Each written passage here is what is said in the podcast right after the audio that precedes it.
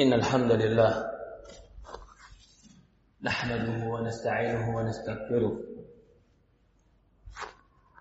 ونعوذ بالله من شرور أنفسنا ومن سيئات أعمالنا. من يهد الله فلا مضل له ومن يضلل فلا هادي له. أشهد أن لا إله إلا الله وحده لا شريك له. وأشهد أن محمد عبده ورسوله لا نبي بعد. قال الله تعالى في كتابه الكريم يا أيها الذين آمنوا اتقوا الله حق تقاته فلا تموتن إلا وأنتم مسلمون. وقال الله سبحانه وتعالى يا أيها الذين آمنوا اتقوا الله وقولوا قولا سديدا. يصلح لكم أعمالكم ويغفر لكم ذنوبكم. ومن يطع الله ورسوله فقد فاز فوزا عظيما. وقال الله سبحانه وتعالى يا أيها الناس اتقوا ربكم الذي خلقكم من نفس واحدة وخلق منها زوجها وبث منهما رجالا كثيرا ونساء واتقوا الله الذي تساءلون به والأرحام إن الله كان عليكم رقيبا. فإن أصدق الحديث كتاب الله وخير الهدي هدي نبينا محمد صلى الله عليه وعلى آله وصحبه وسلم وشر الأمور محدثاتها فإن كل محدثة بدعة فإن كل بدعة ضلالة فإن كل ضلالة في النار. أعاذني وإياكم من النار يا عباد الله. أوصيكم ونفسي بتقوى الله فقد فاز المتقون Pertama-tama saya wasiatkan kepada diri saya pribadi dan kepada seluruh jamaah agar bertakwa kepada Allah.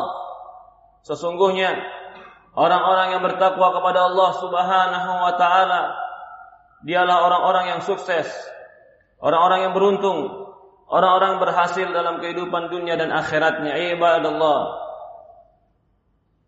Di dalam sebuah ayat Al-Quran Allah subhanahu wa ta'ala berfirman Wa'bud rabbaka hatta ya'tiyakal yakin. Kata Allah subhanahu wa ta'ala Wa'bud rabbak. Menghamba dirilah kepada Allah Hatta ya'tiyakal yakin. Sampai datang kepadamu al-yakin. Ditafsirkan oleh para ulama Dalam buku-buku tafsirnya Al-yakin di dalam ayat ini adalah al-maut, kematian. Artinya, wa'bud rabbaka, beribadahlah kepada Allah, menghambakan diri kepada Allah sampai datang kepada kita kematian. Maka seorang muslim untuk menjadi orang baik sampai datang kepada dia malaikat maut. Orang muslim untuk terus sholat sampai datang pada dia malaikat maut. Orang muslim harus dia menghindari perkara-perkara yang haram sampai kapan? Hatta ya'tiyakal yakin sampai mati dia harus harus di atas agama Allah Subhanahu wa taala. Maka itu baginda Nabi kita Muhammad SAW mengatakan, "Isbiru hatta talqauni alal haud." Kata Rasulullah SAW, sabarlah kalian, sabar dalam ibadah, sabar dalam ketaatan, sabar meninggalkan maksiat kepada Allah, sampai kita bertemu dengan Rasulullah SAW dalam telaganya. Ya ibadallah. Kenapa kematian di Quran dikatakan al-yakin? Keyakinan itu sesuatu yang tidak ada keraguannya. Karena semua manusia yakin pasti dia mati. Agama apa pun pasti yakin dia akan mati. Karena setiap orang pasti melihat setiap hari ada yang mati. Maka itu Quran mengatakan kematian ada al-yakin. Tidak ada satu agama pun yang mengingkari kematian. Berpisahnya ruh dengan badan, semua manusia bisa melihatnya. Bahkan hewan pun tahu bahwa kematian itu pasti ada. Kullu nafsin dha'iqatul maut. Kata Allah Subhanahu wa taala, setiap jiwa pastilah akan merasakan yang namanya kematian. Ya ibadallah. Baginda Nabi kita Muhammad sallallahu alaihi wasallam menyebutkan dalam sebuah hadis, "Faksiru dzikru hadimil ladzat." Kata Rasulullah SAW, perbanyaklah bagi kalian Perbanyaklah bagi kalian mengingat penghancur kenikmatan, pemutus kenikmatan, yaitu mati. Karena ketika mati sudah datang, tidak ada lagi kenikmatan kecuali bagi mereka yang beriman kepada Allah Subhanahu wa taala. Di dalam sebuah hadis yang diriwayatkan oleh Imam Ahmad yang disahihkan oleh para ulama, suatu hari Rasulullah SAW bersama para sahabatnya pergi ke kuburan untuk menguburkan sebuah seorang jenazah. Sampailah di kuburan Rasulullah SAW dengan para sahabatnya. Ketika itu jenazah belum dimasukkan ke dalam kuburan, karena kuburan masih digali. Mereka sedang membuat liangnya, tanah yang condong ke dalam, agar mayit dimasukkan ke dalam dalam ke dalam liang tadi. Itu namanya liang. Ketika Rasulullah duduk di samping kuburan, maka para sahabat pun duduk di samping Rasulullah SAW. Kata Rasulullah SAW, Rasulullah SAW menceritakan para sahabatnya bahwasannya kullu nafsin dha'iqatul maut. Seluruh jiwa pastilah mati. Innal 'abd idza adbara dunya wa aqbala 'ala Allah ja'atul malaikah wujuhuka syams. Kata Rasulullah SAW, sesungguhnya seorang hamba jika dia telah mati, jika dia telah akbal ala dun akbal ala akhirah wa adbaru ala dunya, jika dia telah berpaling dari dunianya dan dia menghadap kepada akhiratnya, maka akan datang kepada dia malaikat. Ini jika jika jiwa itu jiwa yang mukmin. Datang malaikat kepada dia wujuhu kasyams. Malaikat ini wajahnya bagaikan matahari yang bersinar. Ma'ah Malaikat ini membawa minyak wangi, wa kafn, wa kain kafan minal jannah dari surga. Lalu malaikat ini duduk di kepala orang beriman tadi. Maka orang beriman tadi sudah mulai melihat ada malaikat yang datang kepada dia dengan wajah yang bersinar. Wajah yang gagah. Dengan minyak wangi yang di tangannya. Dan dengan kain kafan di tangannya, kain kafan dari surga. Maka orang yang beriman ini. Ketika dia telah melihat malaikat. Maka malaikat mengacapkan kepada Assalamualaikum. Waalaikumsalam. Ya ayuhan nafsul mutmain. Ya ayuhan nafsul mutmain. Malaikat memanggil kepada dia dengan kalimat yang sempurna dan kalimat yang penuh dengan santun. Wahai jiwa yang tenang. Wahai jiwa yang tenang yang berada pada tubuh yang tenang. Allah mengutus aku untuk menyambut ruhmu. Ukhruji ya ayuhan nafsul mutmain. Irji'i ila rabbika radiyatan mardiyah. Kata malaikat, wahai jiwa yang tenang. Irji'i. Malaikat mengatakan kembali Kenapa jiwa yang ketika ingin dicabut dikatakan kembali? Karena pada hakikatnya kita akan kembali kepada Allah dan tempat kembali kita adalah Allah. Seorang dikatakan kembali ketika dia pergi dan akan pulang kembali. Maka malaikat, maka malaikat ketika datang kepada jiwa orang mukmin yang tenang dikatakan irji'i, kembali engkau.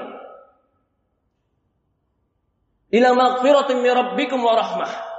Kepada ampunan Allah, kepada keriduan Allah, kepada rahmat Allah, Ketika dia sudah dijanjikan dengan ampunan Allah, rahmat Allah, kasih sayang Allah, maka ketika itu jiwa yang didatangi malaikat saat itu juga dia langsung ingin keluar, rindu dengan perjanjian dengan Allah.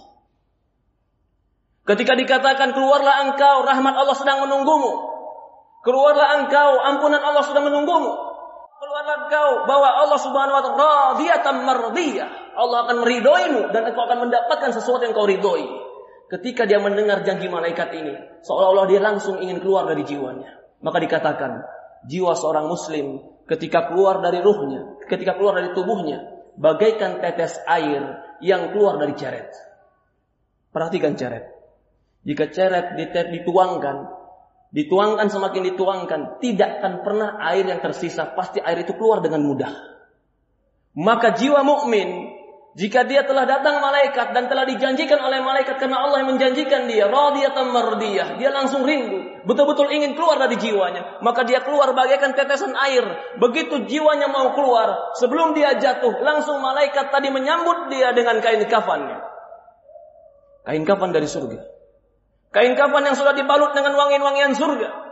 Yang dikatakan seandainya wanginya ini dicium maka akan dicium oleh penduduk di dunia dengan ciuman yang sangat indah. Maka malaikat membungkus ruhnya dan membawa ke langit. Begitu dia naik ke langit, jiwa orang beriman ini naik ke langit, ruh naik ke langit. Kata Rasulullah SAW, tidaklah satu malaikat yang melihat ruh itu dibawa kecuali malaikat bertanya, Man hada? Siapa ini? Dikatakan dan dikabarkan pada malaikat ini adalah si fulan.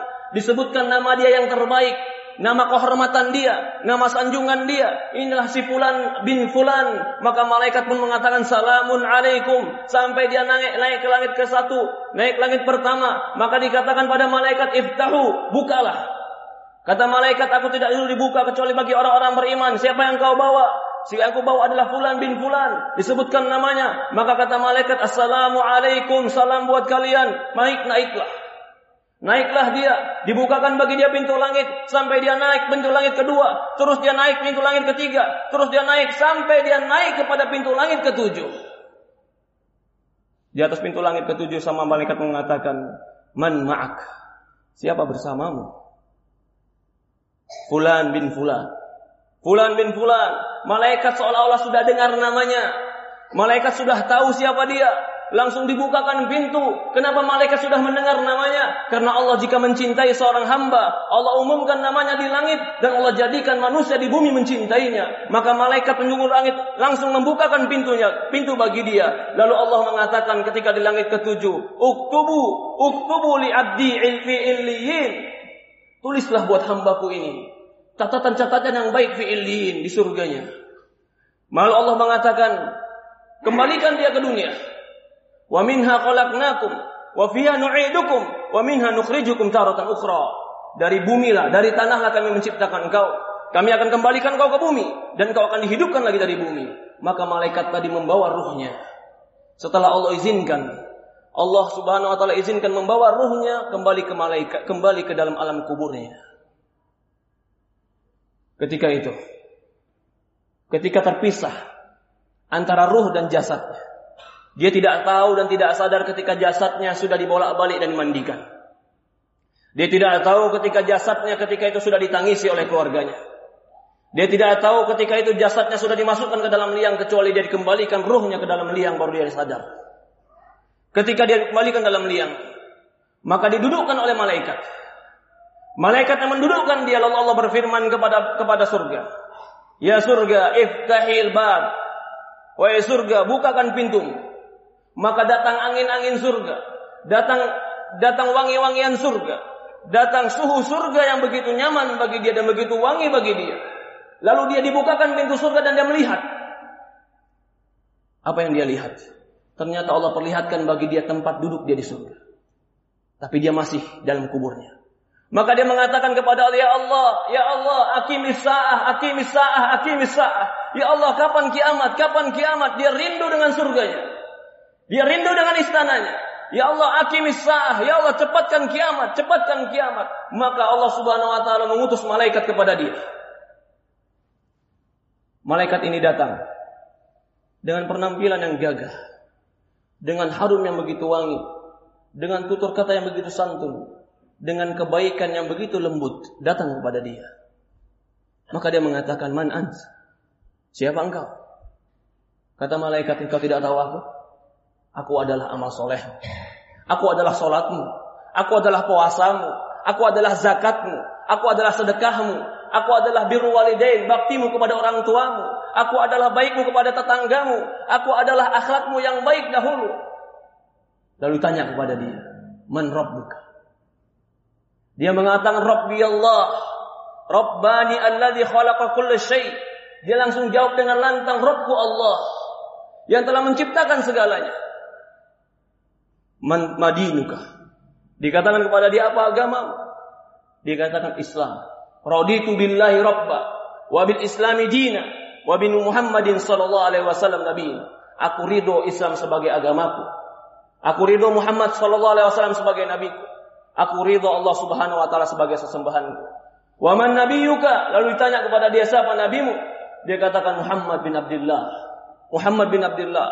Maka jawaban ini Ketika jawaban ini terdengar, Allah Subhanahu wa taala mengatakan di langit, "Sodako abdi, sodako abdi, hambaku benar, hambaku benar." Dia jujur dengan jawabannya. Maka Allah perintahkan surga tadi terbuka pintunya. Dia melihat pintunya surga. Lalu Allah Subhanahu wa taala berkata kepada tanah, "Ya tanah ifrusu." Ya tanah, bantangkan buat dia, lapangkan buat dia. Dia mendapatkan angin surga, dia mendapatkan wangian surga, dia melihat melihat pintu surga terbuka, lalu dibukakan bagi dia tanah yang begitu lapang, lalu dikatakan kepada dia, "Nauwimu," tidurkan dia. Dia tidur. Dia tidur sampai datang nanti yaumul qiyamah. Itulah seorang muslim. Itulah jiwa yang mutmain. Itulah jiwa yang baik. Dia akan kembali kepada kebaikan dan dia melihat kebaikan. Adapun jiwa orang yang kufur kepada Allah, yang penuh dengan kemaksiatan, kata kata Rasulullah SAW, maka malaikat duduk di kepalanya. Ketika malaikat duduk di kepalanya, dia sudah melihat malaikat yang begitu bengis, begitu kasar, begitu menyeramkan.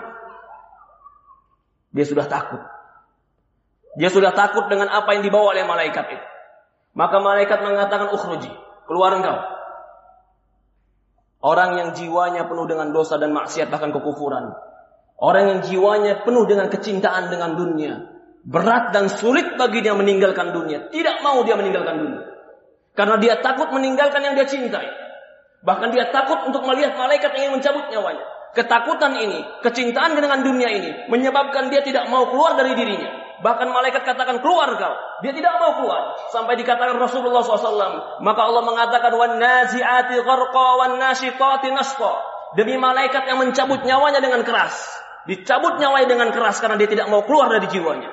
Kata kata Rasulullah SAW, dia dicabut bagaikan besi atau bagaikan pisau-pisau. Yang pisau-pisau ini jika diletakkan di rambut-rambut kambing, pisau yang pisau yang ada air dan basah diletakkan di rambut-rambut kambing, lalu diikat, setelah itu ditarik pisau itu, seperti itulah dia dicabut nyawanya.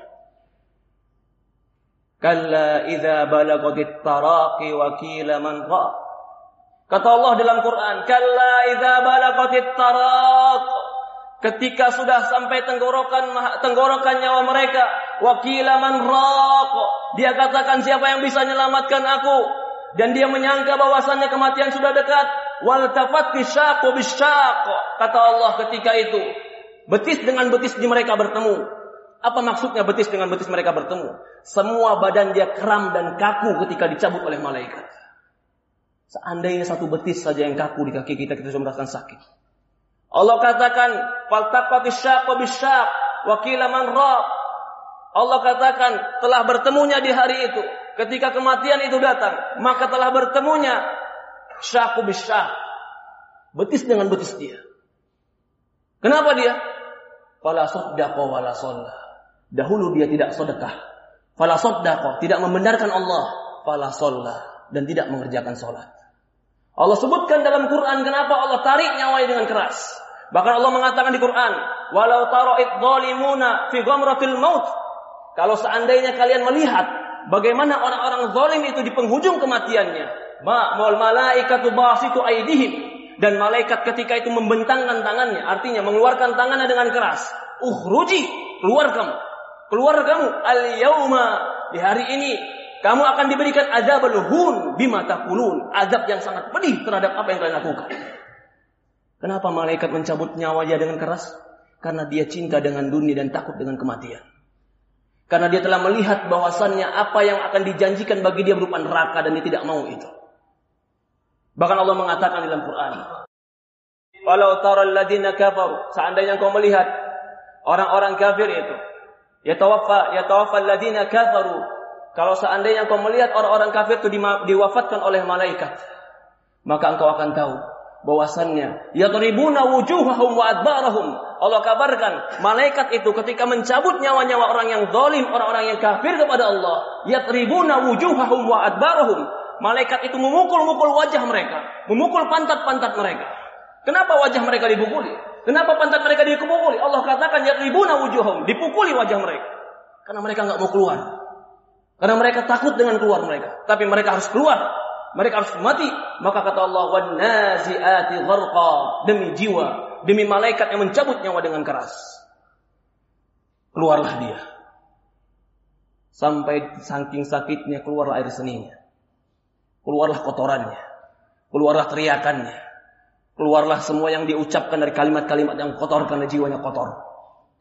Ketika dikeluarkannya, maka tidak ada bungkus yang baik bagi dia kecuali kebusukan. Tidak ada wangi, tidak ada minyak wangi yang harum bagi dia kecuali kehinaan.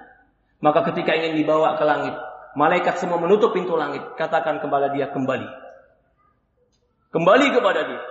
Maka Allah mengatakan seperti orang-orang yang masalul ladina kafaru, seperti orang-orang yang melakukan syirik, seperti orang yang jatuh dari langit, fatahtafu tair atau bihri fi makanis sahih. Dia dijatuhkan dari langit lalu ditiup oleh angin yang kencang, kemudian ditiup, ditabrak oleh burung-burung, kemudian disungkurkan ke tanah dan dia jatuh ke dalam kuburannya sampai dia dalam kuburannya. Kembalikan ruh pada jasadnya. Rasulullah bercerita. Kata Rasulullah SAW, maka dia duduk di jasad di kuburannya. Di tempat yang gelap. Tidak ada lagi yang nolong dia. Tidak lagi ada tidak ada lagi ajudan dia. Tidak ada lagi pangkat dia. Tidak ada lagi harta dia. Tidak lagi anak dia. Yang ada antara dia kegelapan dan malaikat. Maka ketika itu Malaikat mendudukkan dia dan mengatakan kepada dia, Allah Subhanahu wa taala akan memberikan engkau apa yang telah engkau lakukan. Maka Allah berfirman kepada neraka, wahai neraka iftahi. Wahai neraka buka. Wahai neraka bukakan pintu. Maka maka neraka terbuka pintunya. Dia melihat tempat duduk aja neraka dan dia melihat panas neraka dan angin neraka tiupan panasnya sampai kepada dia dan dia sudah mencium baunya neraka. Maka ketika itu dikatakan kepada dia, Man Rabbuka. Man Rabbuka. Dalam keadaan malaikat yang datang begitu menyeramkan. Begitu menakutkan. Diberikan pemandangan oleh dia pemandangan yang menakutkan. Diciumkan oleh dia ciuman yang begitu menjijikkan dan bau. Bahkan ditiupkan kepada dia angin yang panas. Maka ditanya kepada dia, Man Rabbuk. Siapa Tuhanmu? Gak bisa jawab. Suasana yang mengerikan. Suasana yang menakutkan. Ha ha. Ha ha. Apa ini? Apa ini? Maka kata Rasulullah SAW, wa malaika ma mitraqah. Maka malaikat bersamanya mitraqah. Mitraqah itu godam. Lau duribat bil jabal. Kalau seandainya dipukul dengan dengan godam ini gunung, latakun gunung akan menjadi turab, pasir dan debu. Maka ketika dia ditanya man rabbuka, siapa Rabbmu? Dia tidak menjawab kecuali ha ha ha ha. Maka dipukulkan mitroko ini kepada dia. Dalam sebuah riwayat dikatakan maka dia masuk sejauh 70 hasta ke bumi, kemudian dikeluarkan. Lalu semua makhluk mendengar jeritan-jeritannya kecuali dua. Manusia dan jin. Maka terus dia seperti itu. Lalu Allah mengatakan kepada tanah, "Wahai tanah, dayyiqu, wahai tanah, sempitkan untuk dia." Maka disempitkan untuk dia kuburannya sampai di antara tulang belulangnya bertemu dengan tulang belulang yang lain dan remuk dan hancur. Kemudian Allah katakan sampai yaumul kiamah intadir. Biarkan dia sampai hari kiamat. Ini cerita yang diceritakan oleh baginda Nabi kita Muhammad SAW ketika dia duduk di kuburan sambil menunggu agar jenazah dimasukkan ke dalam kuburan. Baginda Rasulullah SAW sadiqul masduq yang ucapannya benar. Dia itu nabi yang dinampakkan oleh Allah Subhanahu wa taala tentang wahyunya. Maka orang beriman seharusnya mempersiapkan kematian sebelum dia mempersiapkan kehidupan dunia. Karena pada hakikatnya kehidupan yang sebenarnya adalah kehidupan akhirat kita. Barakallahu lakum bil Qur'anil Karim wa nafa'ani wa iyyakum bima fihi minal ayati wa dzikril hakim wa taqabbalallahu minna wa minkum tilawatuh واستغفره إنه هو الغفور الرحيم. الحمد لله. والصلاة والسلام على أشرف أنبياء المرسلين. على نبينا وسيدنا ومولانا وحبيبنا محمد صلى الله عليه وعلى آله وصحبه وسلم. أشهد أن لا إله إلا الله وحده لا شريك له.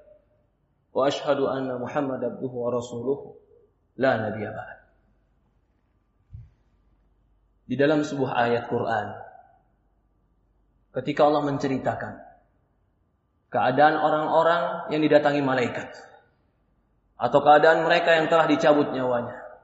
Mereka mengatakan, "Ya Rabbi, laula akhartani ila ajalin qarib fa asaddaqu aku minas salihin."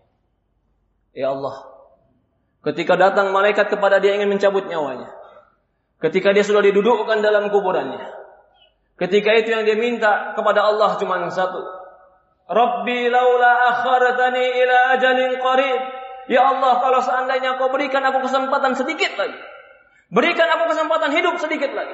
Fa asaddaqu wa aku minas solihin. Aku akan bersedekah dan aku akan menjadi orang soleh. Dia minta kepada Allah bukan minta bertemu dengan istrinya. Dia minta dengan Allah bukan minta dengan hartanya. Tapi yang dia minta dengan Allah, ya Allah berikan aku kesempatan hidup sedikit saja. Fa asaddaq, aku akan bersedekah. Wa aku minas solihin. Dan aku akan menjadi orang soleh. Yang mereka minta, mereka akan menjadi orang soleh. Yang mereka minta, ya Allah berikan aku waktu untuk tobat. Yang mereka minta, ya Allah berikan aku waktu untuk kembali kepadamu. Yang mereka minta, ya Allah berikan aku waktu untuk menjadi orang yang menegakkan sholat. Apa jawaban Allah?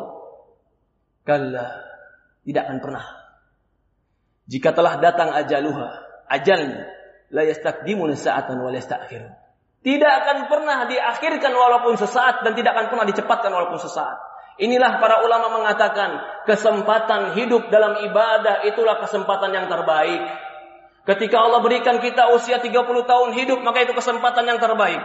Ketika Allah berikan kita usia 40 tahun hidup, maka itu kesempatan yang sangat besar. Ketika Allah berikan kita kesempatan 50 tahun hidup, apakah tidak ada waktu kita untuk kembali kepada Allah Subhanahu wa taala?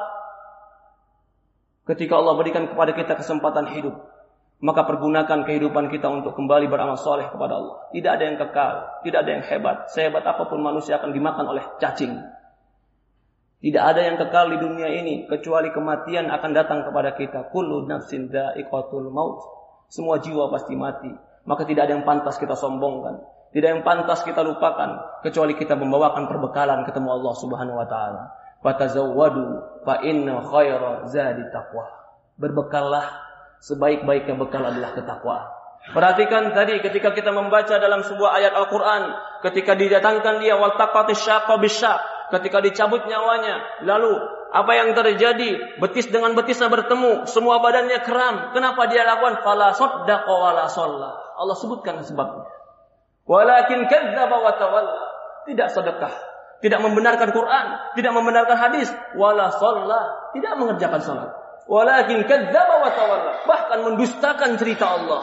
Mendustakan cerita Rasul. Wa tawalla. Bahkan berpaling ketika diajak kepada Allah dan Rasulnya. Ya ibadallah.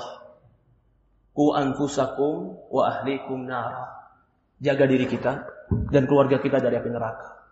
Yang menceritakan ini semua adalah baginda Nabi kita Sayyidina Muhammad sallallahu alaihi wasallam. Sadiqul masduq yang jujur, yang benar, yang diutus kepada kita untuk mengajarkan kepada kita ilmu agama. Semoga Allah Subhanahu wa taala berkahi kita. Semoga Allah Subhanahu wa taala memberikan kepada kita ketakwaan. Semoga Allah Subhanahu wa taala mematikan kita dalam husnul khatimah. Semoga Allah Subhanahu wa taala memberikan kita kekuatan untuk beramal saleh. Semoga Allah Subhanahu wa taala menolong kita untuk menjadi hamba yang bertobat. اللهم صل على محمد وعلى محمد كما صليت إبراهيم على إبراهيم انك حميد مجيد اللهم بارك على محمد وعلى محمد كما بارك كما بارك إبراهيم انك حميد مجيد يا مقلب القلوب ثبت قلوبنا على دينك وثبت قلوبنا على طاعتك اللهم ارنا الحق حقا وارزقنا اتباعه وارنا الباطل باطلا وارزقنا اجتنابه ربنا لا تزغ قلوبنا بعد إذ هديتنا وهب لنا من لدنك رحمة إنك أنت الغفور الرحيم. ربنا اغفر لنا ولوالدينا وارحمهما كما ربينا صغيرا. ربنا آتنا في الدنيا حسنة وفي الآخرة حسنة وقنا عذاب النار. والحمد لله رب العالمين. في الصلاة.